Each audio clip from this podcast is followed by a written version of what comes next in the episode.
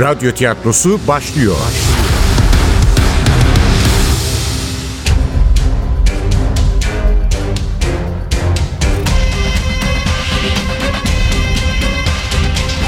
Sultanı Öldürmek 62. Bölüm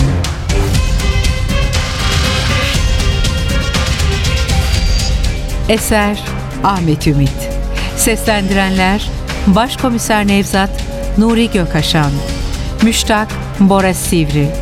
Komiser Zeynep Dilek Gürel. Komiser Ali Umut Tabak. Nöbetçi Polis Tuğrul Kızıldemir. Kadın Polis Yeliz Gerçek. Danışmadaki Polis Suna Dizdar. Efektör Cengiz Saral.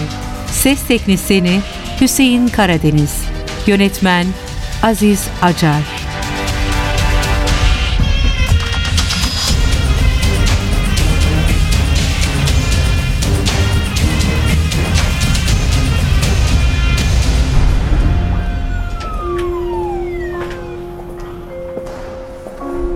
Çökmüş bedenimi taşıyan yorgun ayaklarımı sürükleyerek emniyetin sevimsiz kapısından girdiğimde hava neredeyse kararmak üzereydi. Kötü kaderini kabullenmiş birinin yenilmişliği içerisinde metal kapı dedektörünün önündeki altı kişilik kuyruğun sonuna iliştim sessizce. Ama girişteki nöbetçi polis nedense adım adım beni izlemişti.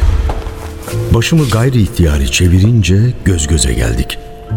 Bir anlık tereddütten sonra çatık kaşları, kuşkulu bakışları ve ateşe hazır kocaman tüfeğiyle dikildi önümde. Sen Başımdaki bela yetmezmiş gibi bir de bu polis çıkmıştı karşıma. Anlamazlıktan gelerek öteki insanlara baktım. hayır hayır sen. Sana diyorum. Onun ikazıyla birlikte giriş katındaki herkesin gözleri üzerime çevrildi. Tüfeğinin ucuyla elimdeki valizi gösterdi. O nedir? Üzerime çevrili bakışlarıyla beni derin bir endişe kapladı. Küçük valizin içinde hepimizi havaya uçuracak bir bomba mı var? Valizin içinde bomba var. Küçük valizin havaya uçuracak. Bense mahcubiyet içinde kıvranıyordum. Eyvah, ya valizi açmamı isterse? Kişisel eşyalarım, içeride ihtiyacım olacak giysiler. İçeride mi? Başkomiser Nevzat'ı görecektim. Beni tanır. Niçin görmek istiyordun Nevzat Başkomiserimi? Bir cinayet soruşturmasıyla ilgili bilgi verecektim de. Tamam. Valizi X-ray cihazına bırak. Şimdi ellerini kaldır. Sırtını dön. Evet işte öyle. Temiz. Çantada elbiseler var sadece. Oysa havlu, diş fırçası, diş macunu, gece terliği, gargara ilacı, yarıda bıraktığım Tolstoy'un Kroiçer sonatı, bir de Babinger'in Fatih Sultan Mehmet ve zamanı da vardı. İşkilli polisin artık beni bırakacağını umuyordum. Hayır yapmadı. Daha çilem bitmemişti. Tamam. Yürü ama dedektörden geçince bekle. Nevzat Başkomiserimizi arayıp geldiğini söyleyelim. Çok mu korkunç bir görüntüm vardı acaba? Temiz yüzlü bu polisi bu kadar korkuttuğuma göre. Kuyruktakilere özür dileyen bir bakış fırlattıktan sonra sadece ortasında sallanan ipi eksik bir dar ağacını andıran metal kapı dedektörünün öteki yanına geçtim. Danışma kürsüsünde oturan polislerden esmer, sert bakışlı olanı giriş kaydımı yaparken sarı saçlarının buklelerini kepinin altına saklamış minyon yüzlü kadın arkadaşı başkomiserlerini aradı. Alo başkomiserim. Telefonda Sizi konuşurken bizim pimpirikli nöbetçi beni göz altında tutmayı bilgi sürdürüyordu. Ne olur ne olmazdı. Bu tuhaf davranışlı, tuhaf görünüşlü herif beklenmedik bir anda saldırıya kalkarak bir defasında sakal bırakmıştım. Galiba yaz sonuydu. Ege civarında bir yerde tatildeydik. Latin Amerikalı gerillalara benzedin, çok karizmatik olmuşsun demişti Nusret. Demek ki sakal öyle bir hava veriyordu bana. Oysa bugün evden çıkarken tıraş olmuştum daha. Ne sakal vardı yüzünde ne de öyle tehditkar bir bakış. Suçumu itiraf etmeye gelmiştim buraya. Kendimi Türk adaletinin güçlü kollarına teslim etmeye. Ama her nedense şu pimpirikli polis tehlikeli biri olarak görmüştü beni. Neyse ki sonunda sarı saçlı kadın memur telefonu kapattı. Nevzat başkomiserim sizi bekliyor. Bu sözler sadece beni değil, kuruntulu polisi de rahatlattı. Israrlı takibini bırakıp nöbet yerine geri döndü. Oh be, Allah sizden razı olsun. Adam bir an ayrılmadı peşimden. İhbar var beyefendi. Memur arkadaşımız görevini yapmaya çalışıyor. Başkomiserimin odasını biliyor musunuz? Biliyorum, biliyorum ikinci katta. İkinci katta soldan üçüncü oda.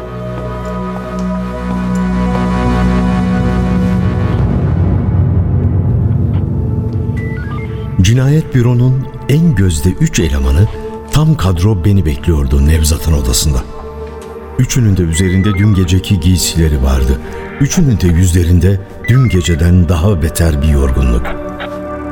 Evlerine hiç gitmemişlerdi anlaşılan. Ama gözlerindeki huzur dolu ışık önemsiz kılıyordu yorgunluklarını. Önemli bir meseleyi çözmüş insanların rahatlığıyla süzüyorlardı beni. Yoksa onlar da anlamışlar mıydı Nusret'i benim öldürdüğümü? Onun için mi böyle gamsız görünüyorlardı? Katili bulmuş olmanın keyfi. Öyle olsa evimi basmazlar mıydı? Belki ayaklarına gelmemi beklemişlerdi. Suçumu itiraf etmemi. Hoş geldiniz Müştak hocam. Ne güzel sürpriz. Hoş bulduk. Buyurun şöyle oturun. Masanın önündeki iskemleleri gösteriyordu şefleri. Televizyonun arkasındakine otursam yüzünü göremezdim. Halbuki itiraf ona yapmaya hazırlamıştım kendimi. O sebepten karşıdakine oturdum. Televizyonun Nevzat'la aramıza giremeyeceği iskemle. Televizyon mu?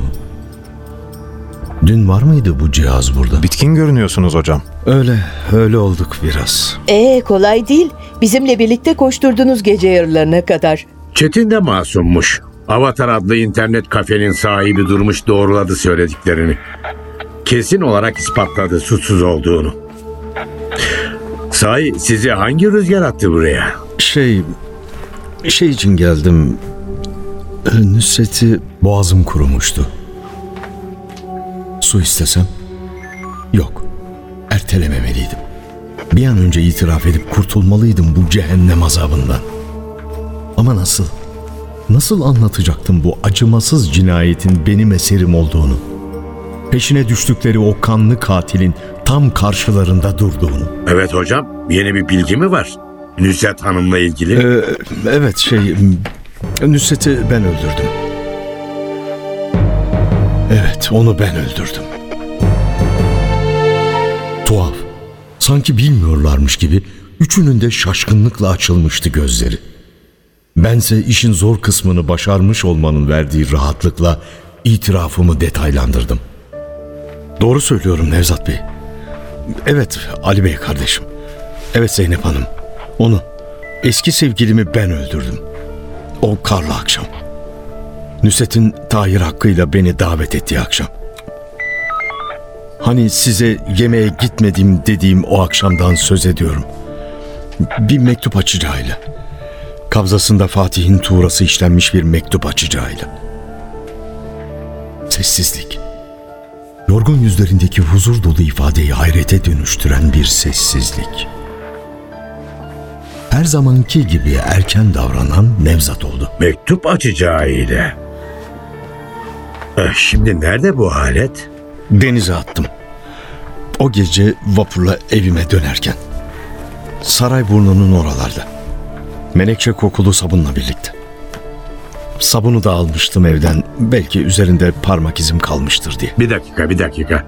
Şu işi en başından anlatabilir misiniz? Yoksa hakikaten bilmiyorlar mıydı benim katil olduğumu? Ne önemi vardı ki? Nasıl olsa öğrenmeyecekler miydi?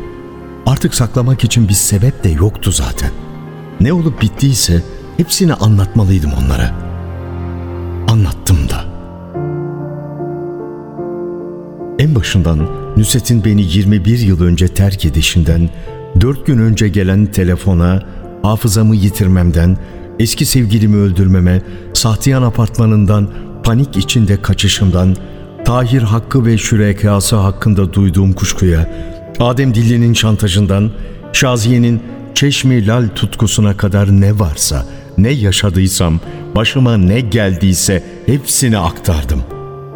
Ali ile Zeynep de tıpkı başkomiserleri gibi seslerini hiç çıkarmadan, sözümü kesmeden, karşılarında ilginç bir vaka varmış gibi sonuna kadar dinlediler beni. Çeşmi Lal. Nusret Hanım'ı öldürdüğünüzde gerdanlık boynunda mıydı? Olmadığını sanıyordum. Hatta bundan emindim. Mektup açacağını Nüsret'in boynundan çıkartırken gerdanlık filan görmemiştim. Ama yanılmış olmalıyım. Çünkü gazetede yayımlanan fotoğrafta Çeşmillal boynundaydı. Aa, küpeler? Küpelerde yok muydu? Yoktu. Ya da bana öyle geldi. Ama gazetedeki fotoğrafta da küpeler yoktu. Sanki ortak bir kanaate varmış gibi birbirlerine baktılar. Neler dönüyordu burada? Benden gizledikleri neydi bunların? Öyle değil miydi? Küpeler yoktu değil mi? Öyle öyle. Peki neden bize gelmediniz? Neden suçunuzu itiraf etmediniz? Doğrusu sizin gibi sorumlu bir insandan bunu beklerdim. Açıkça eleştiriyordu beni ama mimiklerinde, bakışlarındaki kıpırtılarda hiç de öyle bir anlam yoktu. Kesinlikle bir numara çeviriyordu bu üç polis. Yoksa yakaladıkları her katil aynı muameleyi mi yapıyorlardı? Niyetleri ne olursa olsun ben dürüstçe davranmalıydım.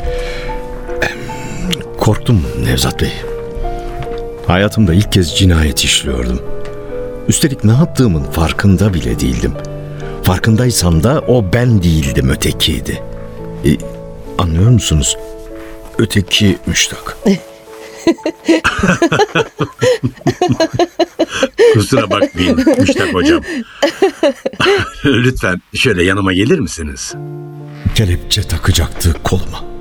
Ne bekliyordum ki? Kırmızı halıyla mı yollayacaklardı beni hapishaneye? Yollasınlar. Hiç itirazım olmazdı. Yeter ki benimle alay etmesinler. Vakarla doğrulmaya çalıştım oturduğum iskemleden. Ama kucağımda duran valizi unutmuştum. Gürültüyle yere düştü. Yetmezmiş gibi bir de kapağı açılmasın mı? Yer yarılsa da içine girseydim keşke. Elim ayağım titremeye başlamıştı sinirden. Bu valiz ne için hocam?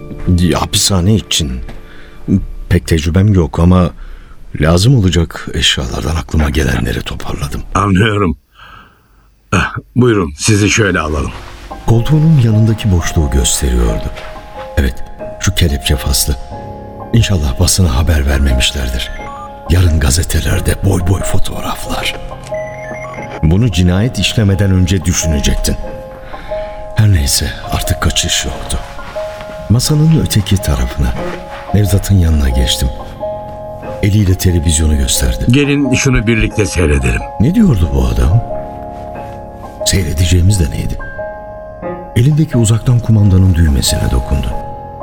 Dün bu masanın üzerinde durduğundan kuşkulu olduğum televizyonun ekranında önce karlı bir görüntü titredi. Ardından bir kuyumcu dükkanının içi göründü. Tezgahın gerisinde 30 yaşlarında bir adam gelen müşterilerle ilgileniyordu. İyi de bu kuyumcunun benimle ne ilgisi vardı?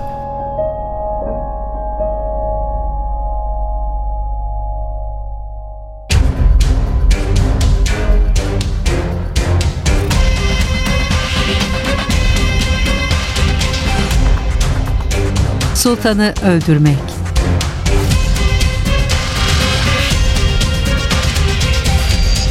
Eser Ahmet Ümit. Seslendirenler Başkomiser Nevzat Nuri Gökaşan. Müştak Bora Sivri. Komiser Zeynep Dilek Gürel. Komiser Ali Umut Tabak. Nöbetçi Polis Tuğrul Kızıldemir. Kadın Polis Yeliz Gerçek. Danışmadaki Polis Suna Dizdar. Efektör Cengiz Saral. Ses Teknisini Hüseyin Karadeniz. Yönetmen Aziz Acar.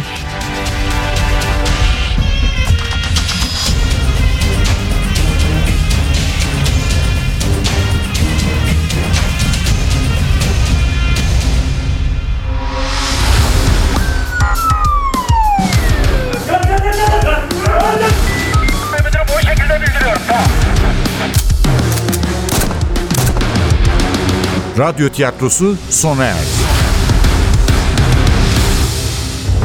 Radyo tiyatrosu her cumartesi 11.30'da NTV Radyo'da. Kaçıranlar ve tekrar dinlemek isteyenler içinse ntvradio.com.tr'deki podcast sayfamızda.